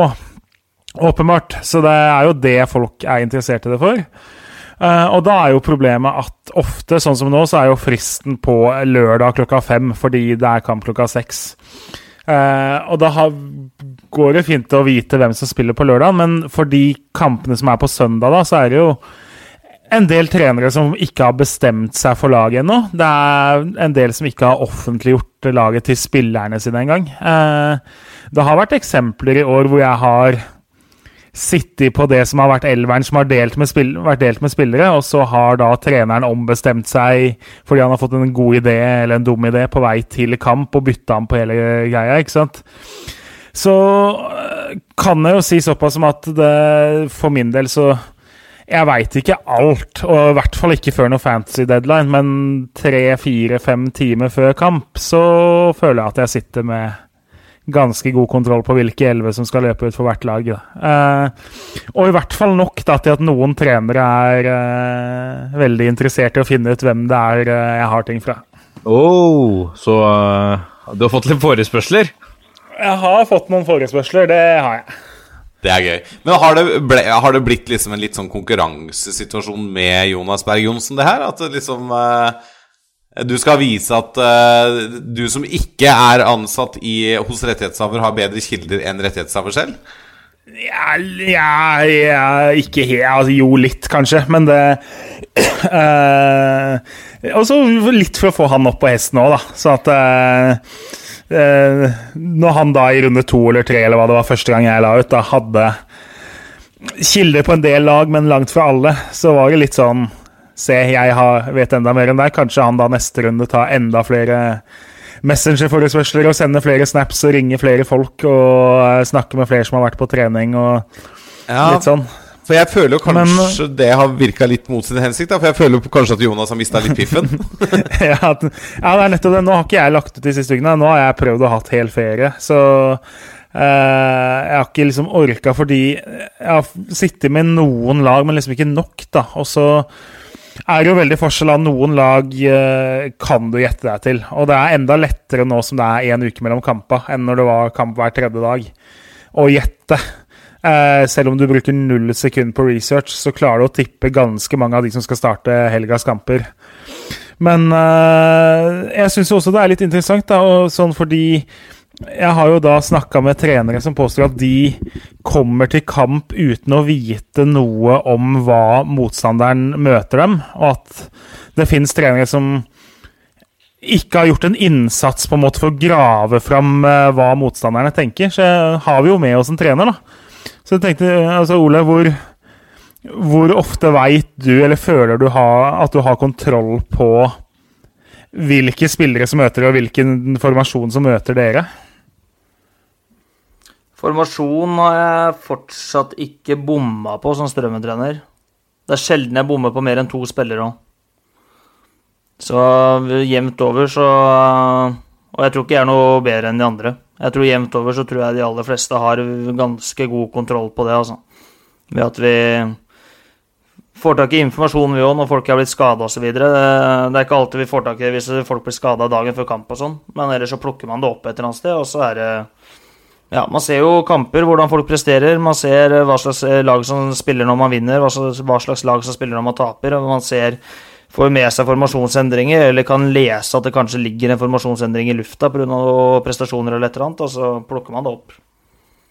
Og så er det jo faktisk sånn da i Fotball-Norge at spillere prater jo sammen. Det er også er helt ærlig på. Det er flere ganger jeg får uh, elveren til motstanderen uh, dagen før kamp fordi en av spillerne mine har teksta med en av spillerne til motstanderen. Mm.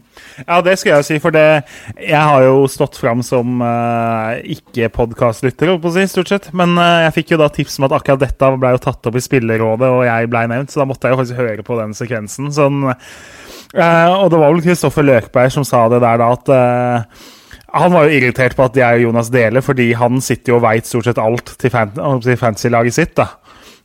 fordi han snakker med spillere, og, og det er jo jeg tror jo trenere som prøver å holde dette skjult, kjemper en ganske tapt kamp. For det er som du sier, spillere snakker, og jeg kan jo si så, eh, såpass som at uh, jeg veit at spillere snakker. Uh, og ting som blir delt fra en spiller til en annen, kan bli delt videre til en kompis som lurer på hvem han skal ha som kaptein på fancy-laget sitt, eller om han skal sette H, U eller B på tippekupongen. Så eh, ting sprer seg jo. Du Jeg tror det er veldig, veldig veldig vanskelig og tilnærma umulig å klare å holde noe skjult. Eneste alternativet da er sånn som noen trenere faktisk har gjort, og holdt laget skjult til, for spillerne fram til 75 minutter før kampstart. Det er jo noen av de som gjør det òg, men uh, litt usikker på om da får du på en måte litt andre ting imot, da. Men tror du enkelte trenere i dagens eliteserie er villige til å, eller kan finne på å gjøre endringer på laget basert på at eh, det har lekka ut i forkant? Uh, ja jeg, jeg, har i hvert fall vært litt obs på at det er nok noen som prøver seg med noen finter på fredagenes treninger for at ikke nødvendigvis alle spillerne skal være helt uh, klar over hva som skjer, nesten. da. For det at uh, Jeg tror noen er sleipe nok til å ta på noen en gul vest for at det skal spres feilinformasjon om hvilke elleve spillere som skal sitte på benken eller starte. Så ja. Jeg så Dag Eile Fagermo satte opp eh, Var det mot Glimt? Han førte opp Oldrup Jensen som midtstopper. og og Felix Horn Myhre på midtbanen der, blant annet.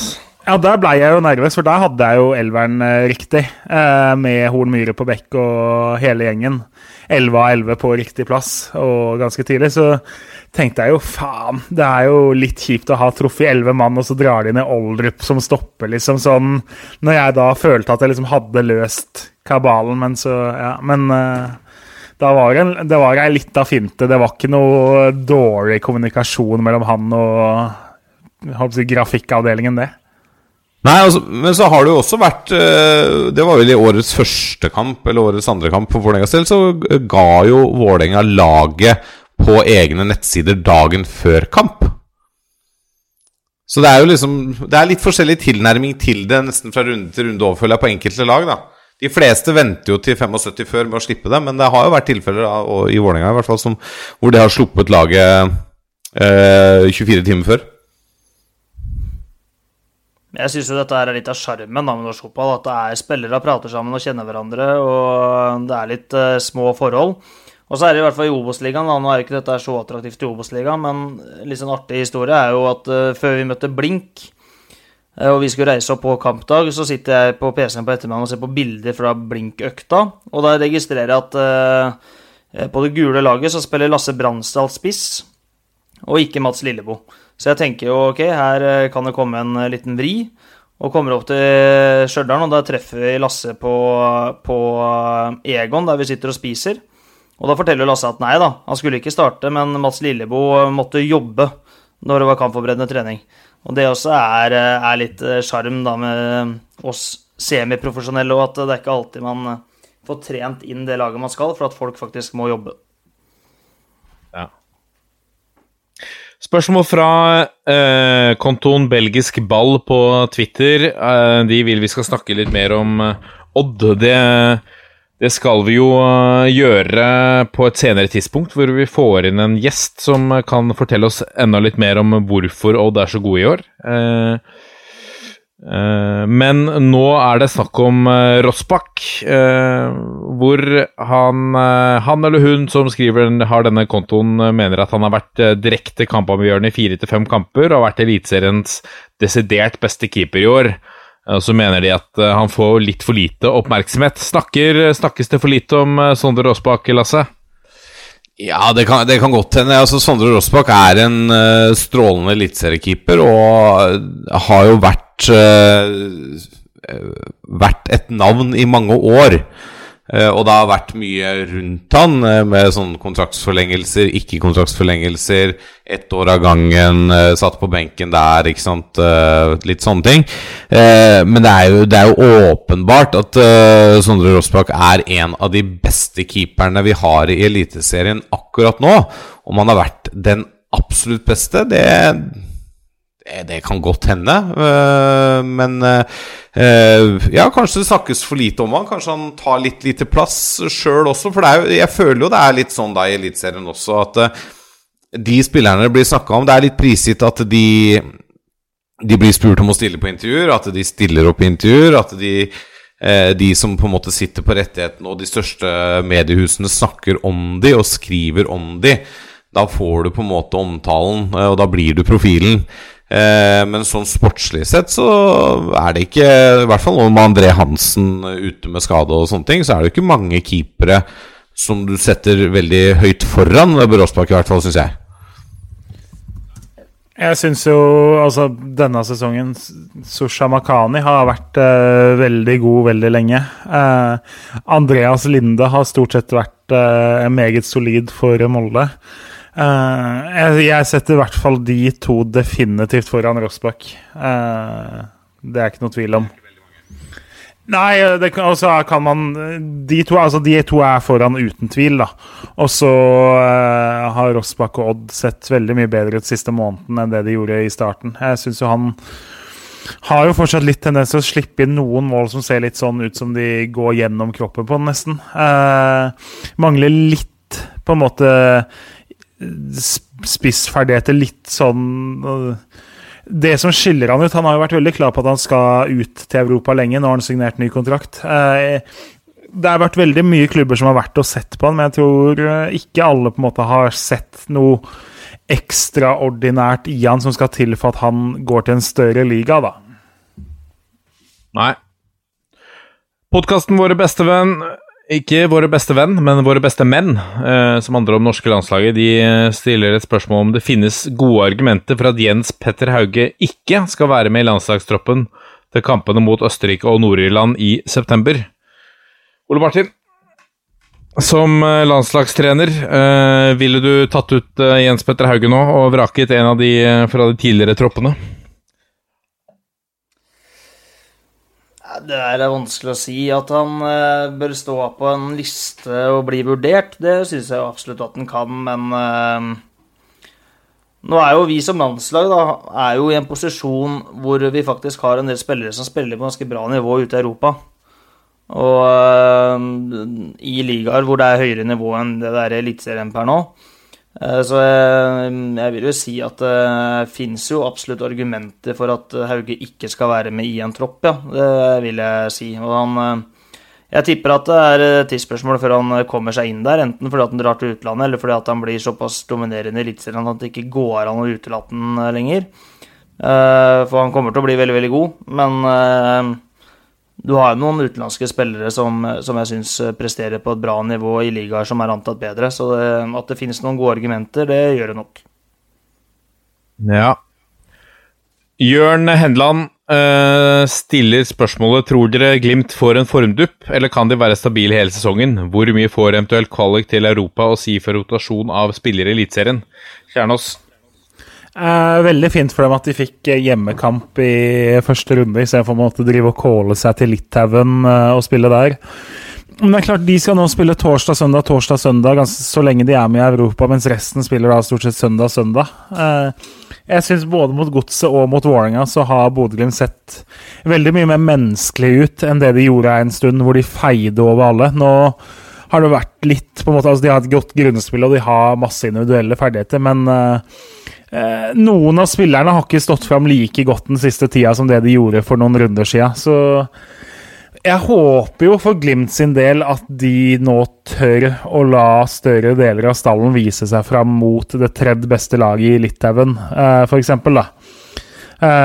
jeg tror de må gå over litt på den, og så er det helt naturlig at etter hvert så begynner det å komme noe poengtap for dem òg.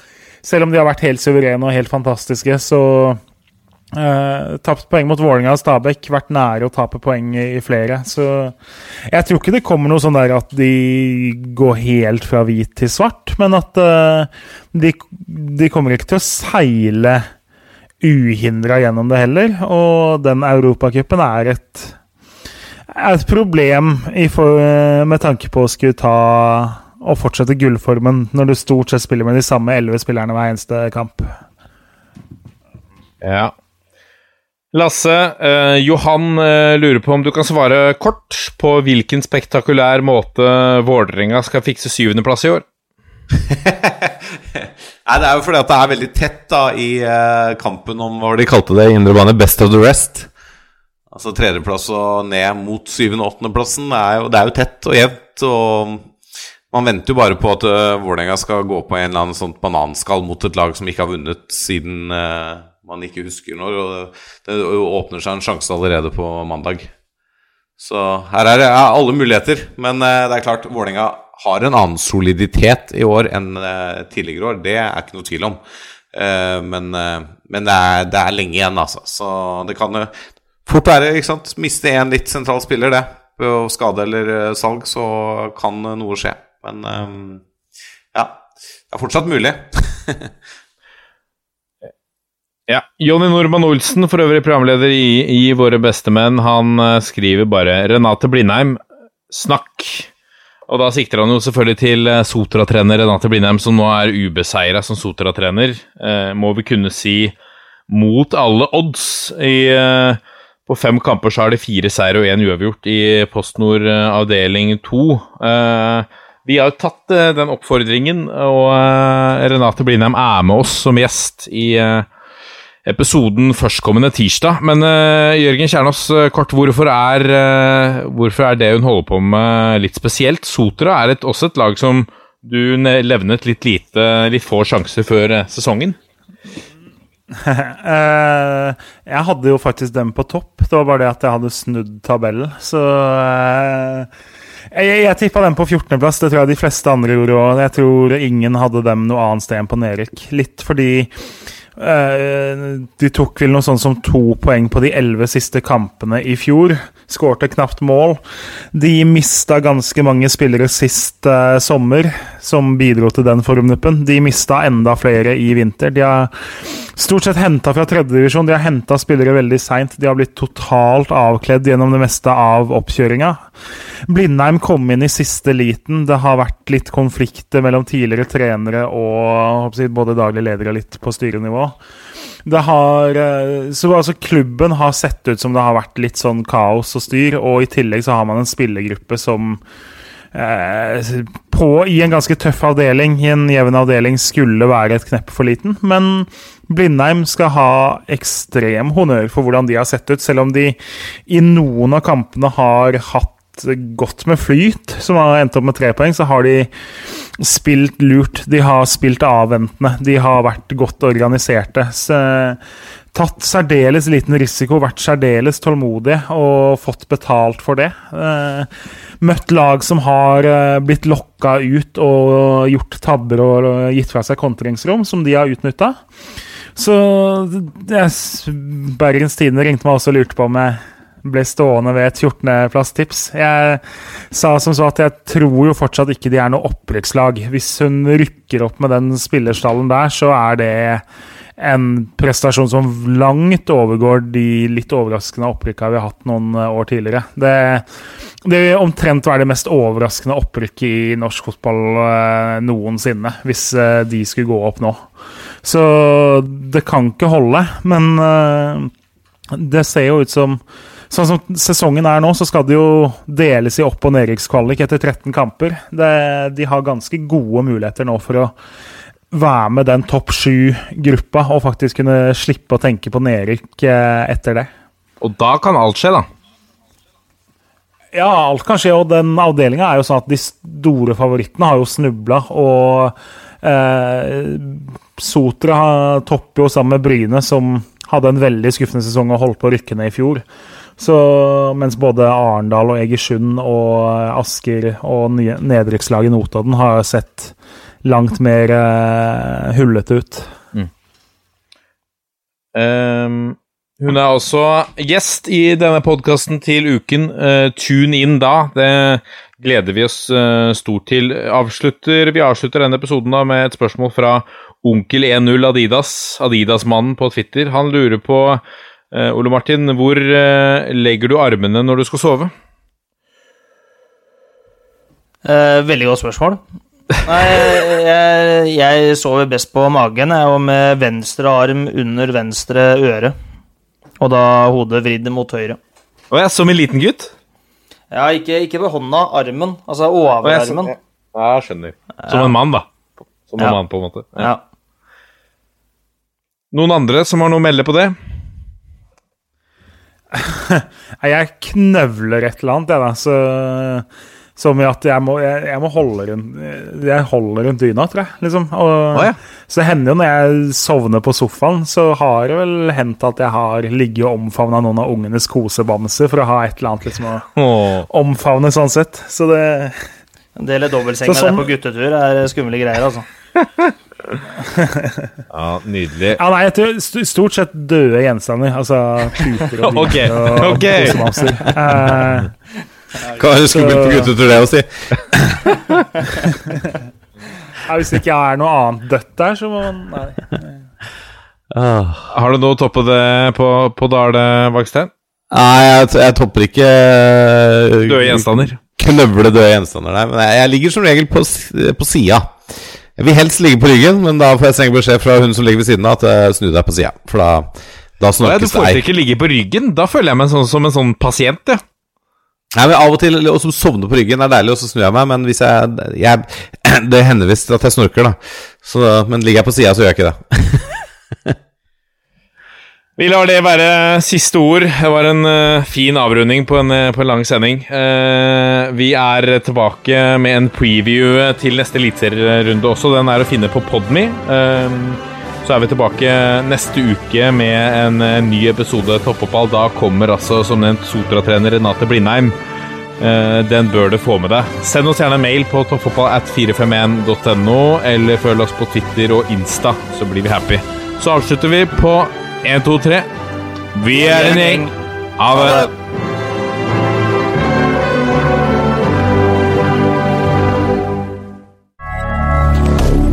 Moderne media.